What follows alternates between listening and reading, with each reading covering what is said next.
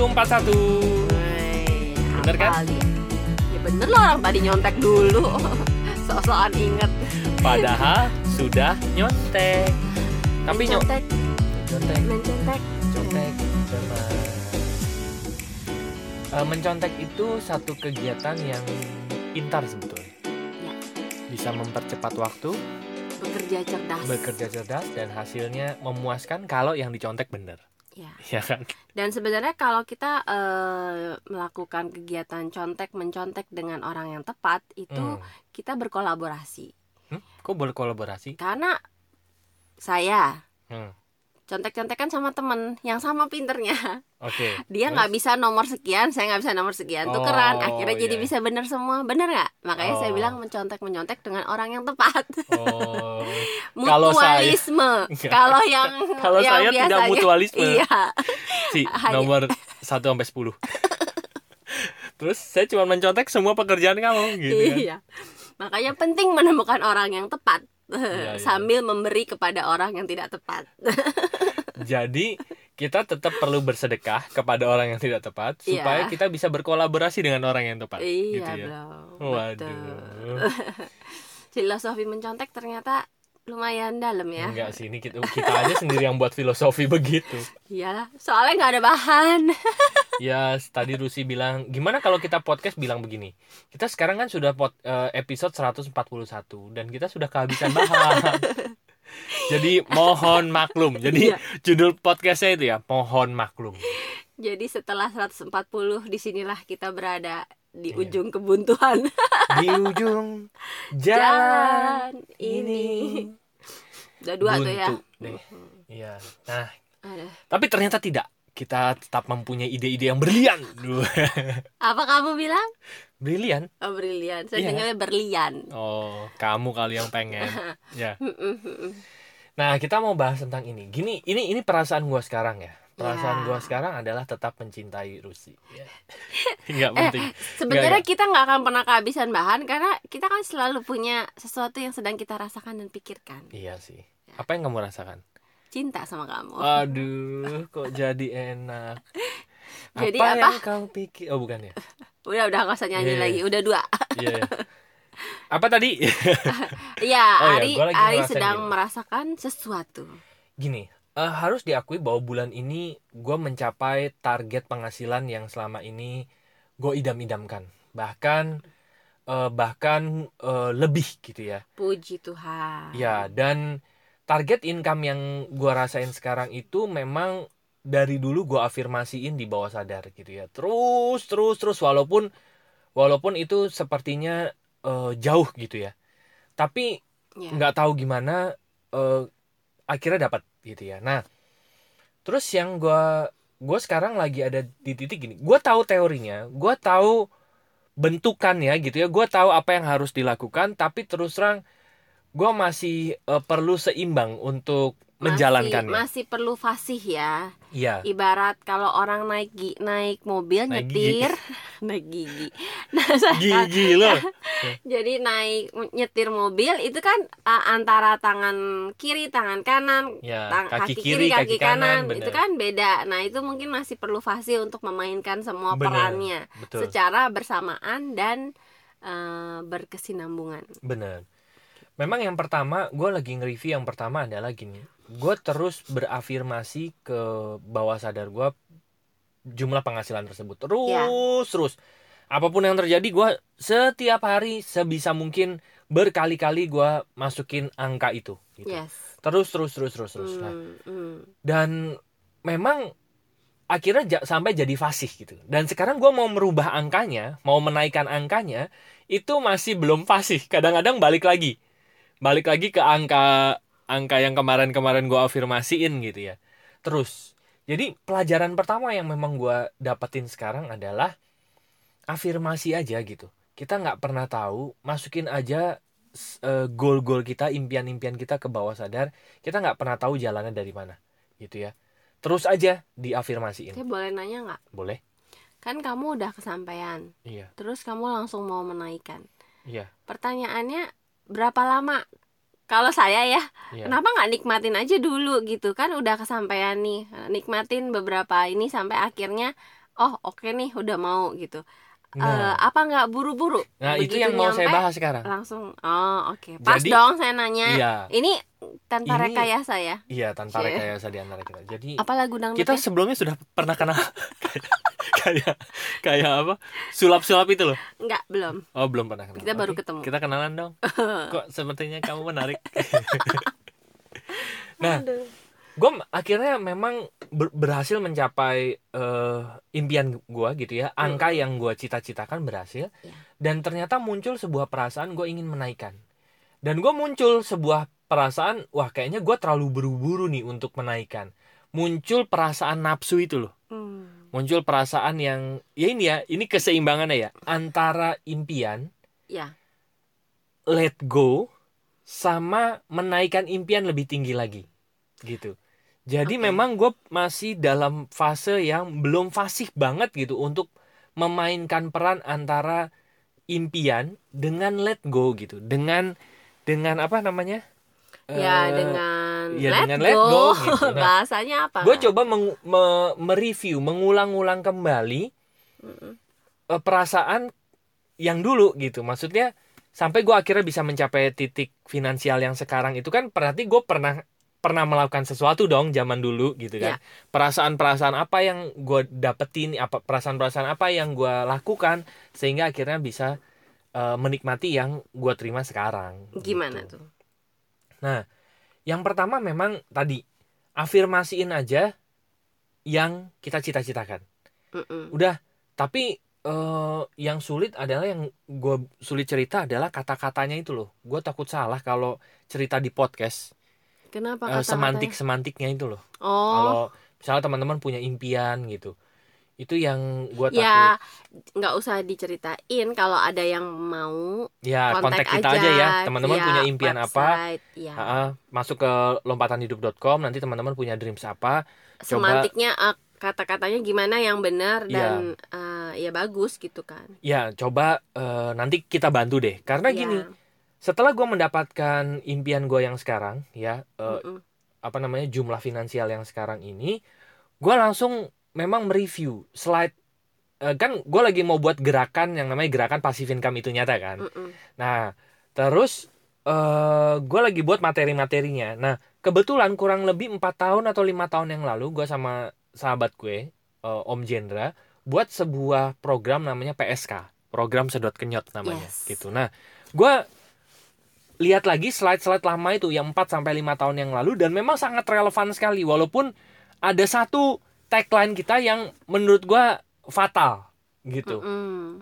Jadi PSK itu singkatan dari program sedot kenyot.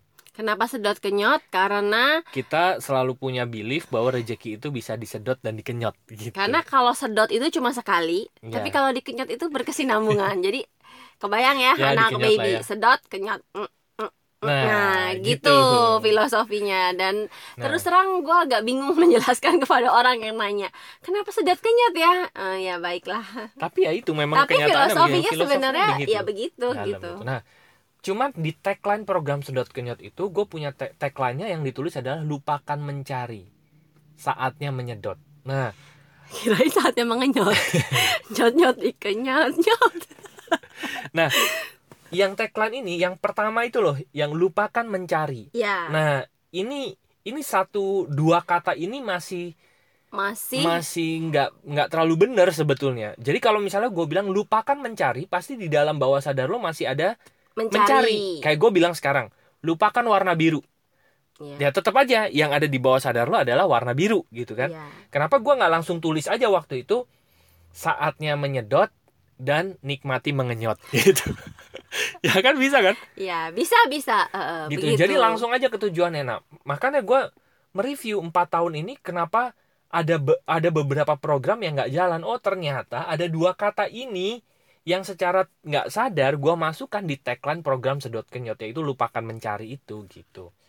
Nah, tapi walaupun yang lainnya itu wah materinya gua harus akui lah Hmm. eh, menurut gua keren gitu dan gua amazed sendiri dengan gua baca materi materi yang kita Lima susun tahun yang 4 lalu. 5 tahun yang Hmm. lalu gue pikir oh empat tahun yang lalu gua udah cerita ini ya dan memang selama empat tahun itu ini yang gua lakuin gitu tanpa eh, tanpa terlalu disadari tanpa terlalu ya. disadari gitu ya terus afirmasi jumlah eh, apa namanya eh, rekening psikologisnya gitu ya walaupun ya walaupun gua nggak tahu gimana caranya gitu tapi terus aja oh ternyata begini ya bawah sadar itu bekerja emang emang bener-bener feelnya itu mulai mulai kerasa banget gitu. Mulai Mm-mm. dapat banget gitu.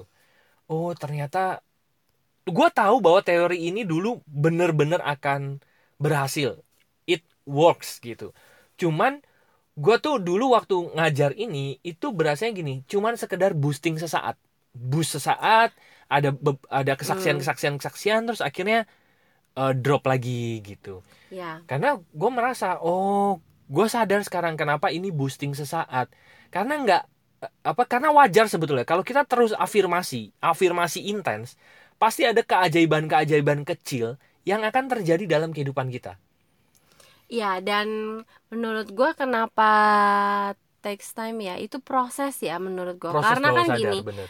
eh, pada saat kita mau berubah, kondisinya kan nggak serta merta enak langsung kan, berubah gitu. bener betul Kita ha- masih harus menghadapi kondisi saat ini yang eh, merupakan akibat dari apa yang kita perbuat di masa sebelumnya. benar betul Nah, pada saat masih kita udah tahu mau ke depan, tapi masih harus menghadapi Transisi yang ya? sekarang, iya ha. yang mungkin masih nggak enak itu kan effortnya jadi lebih ini ya. Gimana gue mau lihat ke depan yang begini aja sekarang ribet tapi memang itu harus di harus dilakukan harus dilewati harus diusahakan. Karena bener. eh, begitu itu nanti lewat ya udah lewat gitu. Kita akan menuai dari apa yang akhirnya kita tanam baru gitu kan. Betul sekali Nah, yang susah itunya Yang sih kalau menurut gue. Bener. Kita sedang menanam yang baru, tapi kita masih harus menuai yang, yang lama Nah, betul menuai yang lama ini yang eh, kadang-kadang bikin emosinya jadi drop lagi ya karena kan betul narik men- lagi ke eh, eh, belakang gitu menuainya kan kan betul yang jelek dulu gitu kan. Tapi Iya. ya gimana caranya sambil menuai yang lama, ikhlas, terima, tapi tetap eh, antusias, konsisten lakuin menanam, menanam yang, baru, gitu. betul betul betul Itu susahnya mal kalau buat gue. Kalau buat Ari Ya, Sama. sepakat, sepakat. Kok kamu pinter sih bisa menerangkan apa yang ada di dalam pikiran saya dalam beberapa kalimat gitu. Dewi. Oh iya, kamu udah ketularan. Dewi, kaulah hidupku. Ih, kamu kok nyanyinya bagus ya? Saya malah tadi nyot nyot tiga nyot nyot. Aduh, nggak level Gak deh. apa-apa, cuman kan jadi yang masuk ke bawah sadar kan yang nyot-nyot dikenyot gitu kan.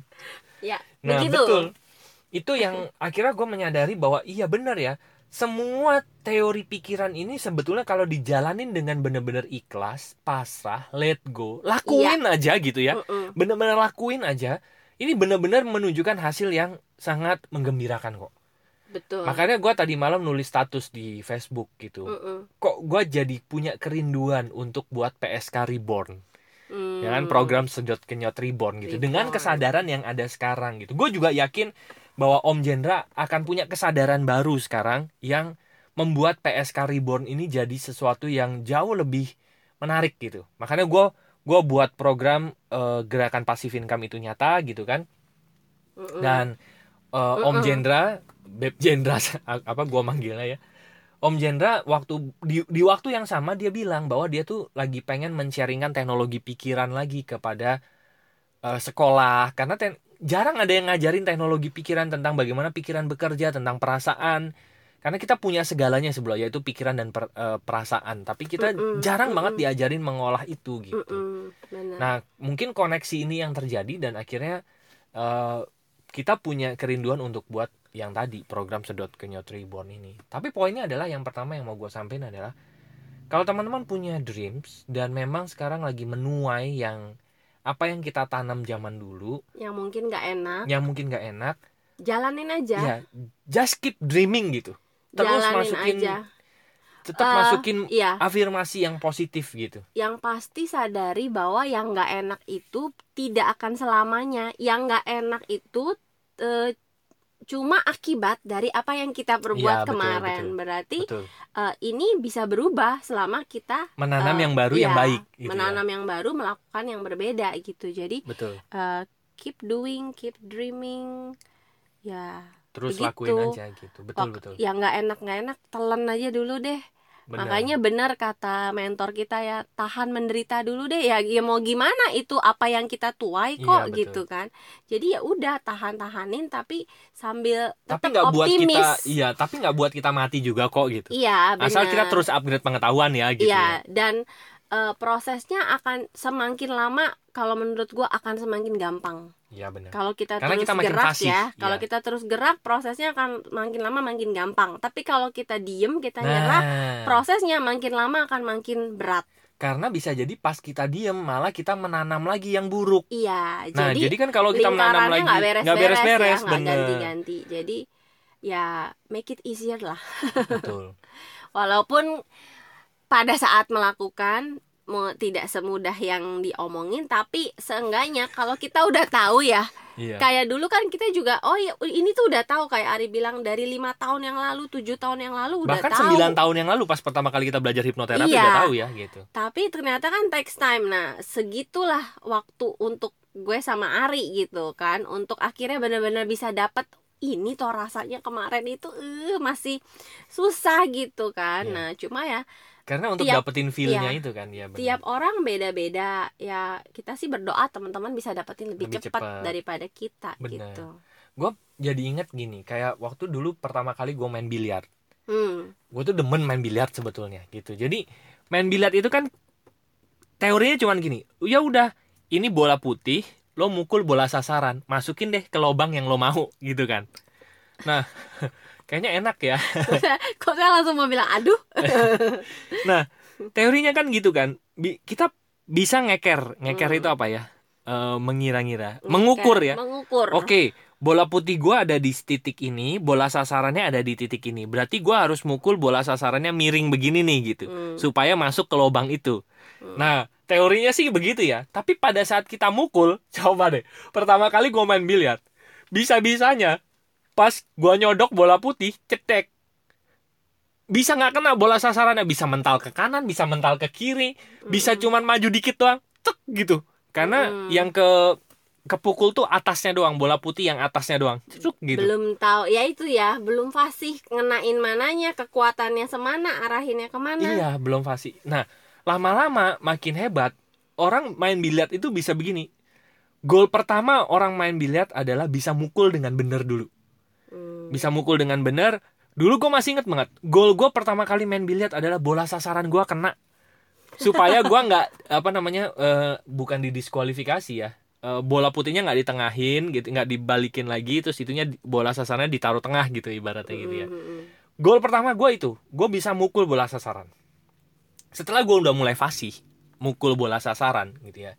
Gol keduanya adalah masukin bola ke kantong gitu ya. Itu tahap selanjutnya. Nah, hmm. tahap ketiga adalah setelah lo fasih masukin bola ke kantong adalah markir bola putih ke bola sasaran berikutnya yang gampang untuk masukin ke kantong berikutnya Hmm, supaya dia bisa gampang dikenain supaya dia gampang dikenai gitu ya. Mm-mm. Nah, kan kalau yang di fase 2 itu begitu lo mukul yang penting masuk aja abis itu bola putihnya ke mana terserah. Hmm. Iya kan? Mau nanti bola sasarannya ada di pojok kiri, bola yes putihnya ada di pojok kanan. berarti mikirnya makin lama makin panjang gitu kan Iya, bener. dari ngejagain cuma kena terus ngejagain Masuk. ngejagain bahkan udah siap-siap buat berikutnya biar lebih Iya, gampang supaya lebih gampang. nah itu eh, Nah, proses prosesnya begitu. Nah, gue juga merasa sih di gue berjalan di gue mengenali teknologi pikiran itu mulai gue dari sekedar tahu Iya dari gue sekedar tahu terus gue sekedar main-main dan akhirnya gue mulai mendalami gitu ya dan mulai mulai tahu nih mulai paham sebetulnya oke gue gue yakin teori ini bekerja tapi gue belum dapat feelnya gue Iya. belum bisa menempatkan bola putih gue nih Benar. untuk mengontrol bola putih gue tuh ada di mana gitu ya bola Iya. putih itu kan rasanya kan rasa Kayak- gue tuh mau gue taruh di mana itu selama itu ini susah. masih pasrah ya udahlah rasa yang, yang penting keluar masuk itu- aja itu. gitu. Eh, level berikutnya adalah ternyata sampai bisa mm, menuntun mengendalikan ya. Iya, maunya betul. apa? Dikendalikan sesuai kebutuhan kita. Bener hmm ya. Dan itu gue lagi berusaha untuk gue lagi berusaha untuk merumuskan sih ya. Supaya kita bisa share ya. Iya jadi kemarin itu mulai nulis judulnya karena Rusi punya puzzle series ya. Gue Mm-mm. gue lagi nulis puzzle of success gitu. Hmm. kumpulan-kumpulan kepingan-kepingan bahwa sukses setiap orang itu beda-beda ya? Ya gua nggak bilang definisinya beda-beda setiap orang. ditentukan sendiri. Ditentukan sendiri. Mungkin sekedar eh, lo punya mobil udah sukses. Ya gua nggak tahu gitu. Cuman kepingan-kepingan untuk mendapatkan kesuksesan menurut versi gue gue lagi berusaha kumpulin kepingannya dari mana supaya jadi satu pola yang menarik dan akhirnya gue makin fasih gitu untuk memainkannya. Ya dan kan yang susah itu kan menyederhanakan sesuatu kan begitu Iya. itu udah bisa jadi sesuatu yang sebenarnya sederhana. Betul. Nah itu nanti eh, itu yang bikin kita makin fasih sebenarnya. Karena kalau kita masih ngelihatnya rumit itu kan kita kayak masih meraba-raba gitu kan. Benar. tapi kalau udah oh ngelihatnya simple ya itu kayak udah eh, otomatis. Udah otomatis udah di bawah sadar kan? Ya kayak gue masih ingat banget dulu gue buat sebuah slide untuk untuk bitcoin dulu ya. Hmm, hmm. sampai akhirnya ketemu satu slide yang bisa banyak menggambarkan. banget menggambarkan kenapa sih gue harus invest di bitcoin yang cat naik turun itu ya, ya hanya dari satu dari satu slide. slide itu itu gue udah berhasil menurut gue gue udah berhasil Menyederhanakan. sesuatu yang rumit menjadi satu slide yang sederhana Mm-mm. nah gue sekarang lagi berusaha untuk membuat satu slide itu paling nggak buat diri gue sendiri gitu itulah kan itu itu persis alasan gue nulis puzzle of happiness Hmm, hmm.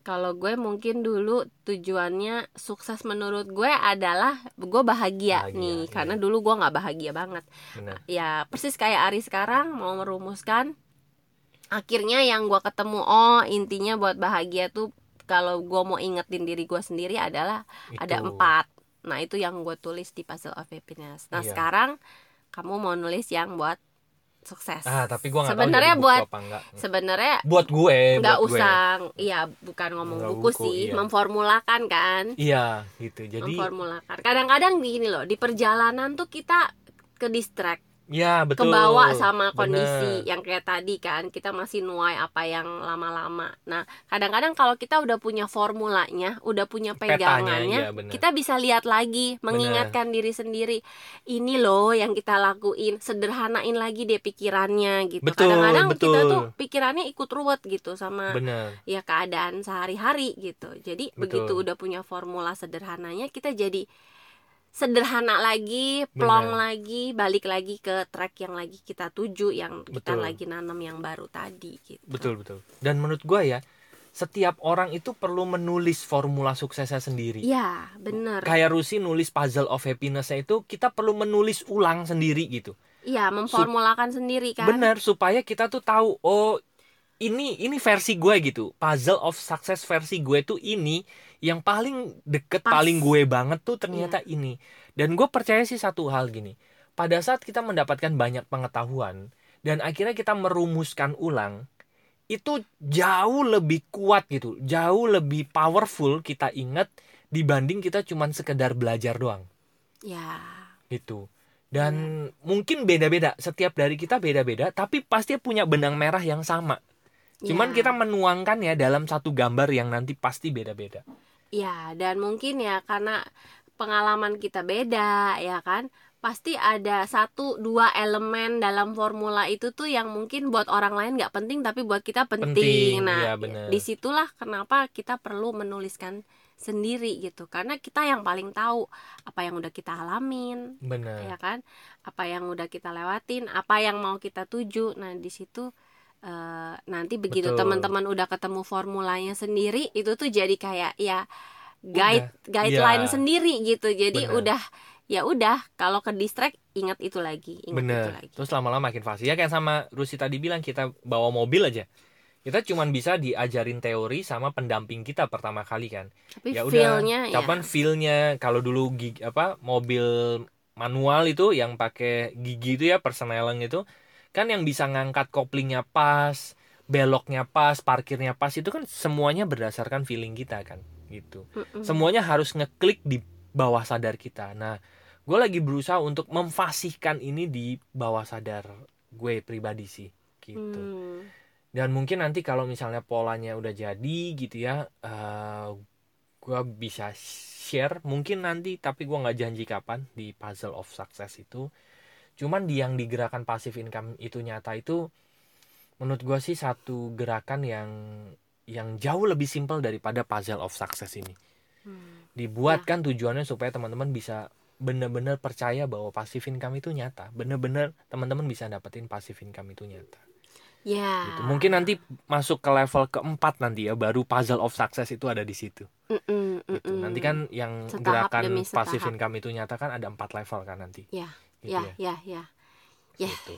Keren. dan ya semoga nanti kita bisa bertemu di level keempat passive income itu nyata gitu ya di puzzle of successnya Hmm, yang gue pribadi belum nyampe level situ tapi gue punya mentor-mentor yang pasti udah nyampe di sana dan kita tinggal tanya aja. Ya, kita tinggal tanya dan meresapi rasa-rasa mereka gitu. Benar-benar benar karena setiap sebenarnya ini sih yang bikin setiap hari itu jadi apa ya menyenangkan. Karena Hmm. kita selalu belajar oh iya ya gue ada di sini. Iya. What's next? gitu kan. Betul. jadi eh, ya udah lanjut lagi lanjut lagi. Iya belajar ke belajar. belajar. Apa deh belajar ke rasa yang lebih tinggi mungkin energinya. Iya. mungkin ya atau paling nggak dari rasa ke rasa. Bukan. Bukan apa namanya bukan sekedar belajar ke rasa yang lebih tinggi untuk memfasihkan rasa yang sekarang aja. Iya. itu aja udah satu pelajaran yang mungkin Hmm, nggak mudah. Ya. Tapi gue yakin bisa sih. Yang penting eh, gue udah fasih menemukan formulanya itu. yang penting mulai. Yang penting mulai. Dan ya itu tadi balik-balik lagi. Percaya aja bahwa semua afirmasi positif itu kalau teman-teman sekarang lagi nggak enak gitu ya percaya aja bahwa terus aja masukin sesuatu yang baik ke dalam pikiran bawah sadarnya. Bahwa itu caranya gimana itu jalannya gimana never know gitu. Masukin aja terus terus aja masukin terus masukin Iya. terus terus nanti lama-lama juga enak enak. salah bener gitu ya gitu Oke, bagi teman-teman tadi yang pengen ngobrol, kalau saya punya dreams ini kira-kira kata-katanya atau semantiknya yang Disusunnya pas seperti apa? gimana ya? Silahkan Mm-mm. masuk aja ke website kami yaitu lompatanhidup.com nanti ada tiga page di Ya, sana. ada Page- home ada counseling dan event ada juga bisnis Ya. Ada kontak WhatsApp di setiap page Yes. nanti buat yang tadi Ari cerita gerakan pasif income itu nyata kelas online-nya dimulai tanggal 30 September Ya. nanti yang mau join bisa masuk ke page yang bisnis dan langsung aja kontak di WhatsApp mau join pasif income itu nyata Oke. Terima kasih sudah mendengarkan episode 141 ini. Semoga bermanfaat dan kita jumpa lagi di episode berikutnya. Thank you. See you. Bye bye. thank you bye bye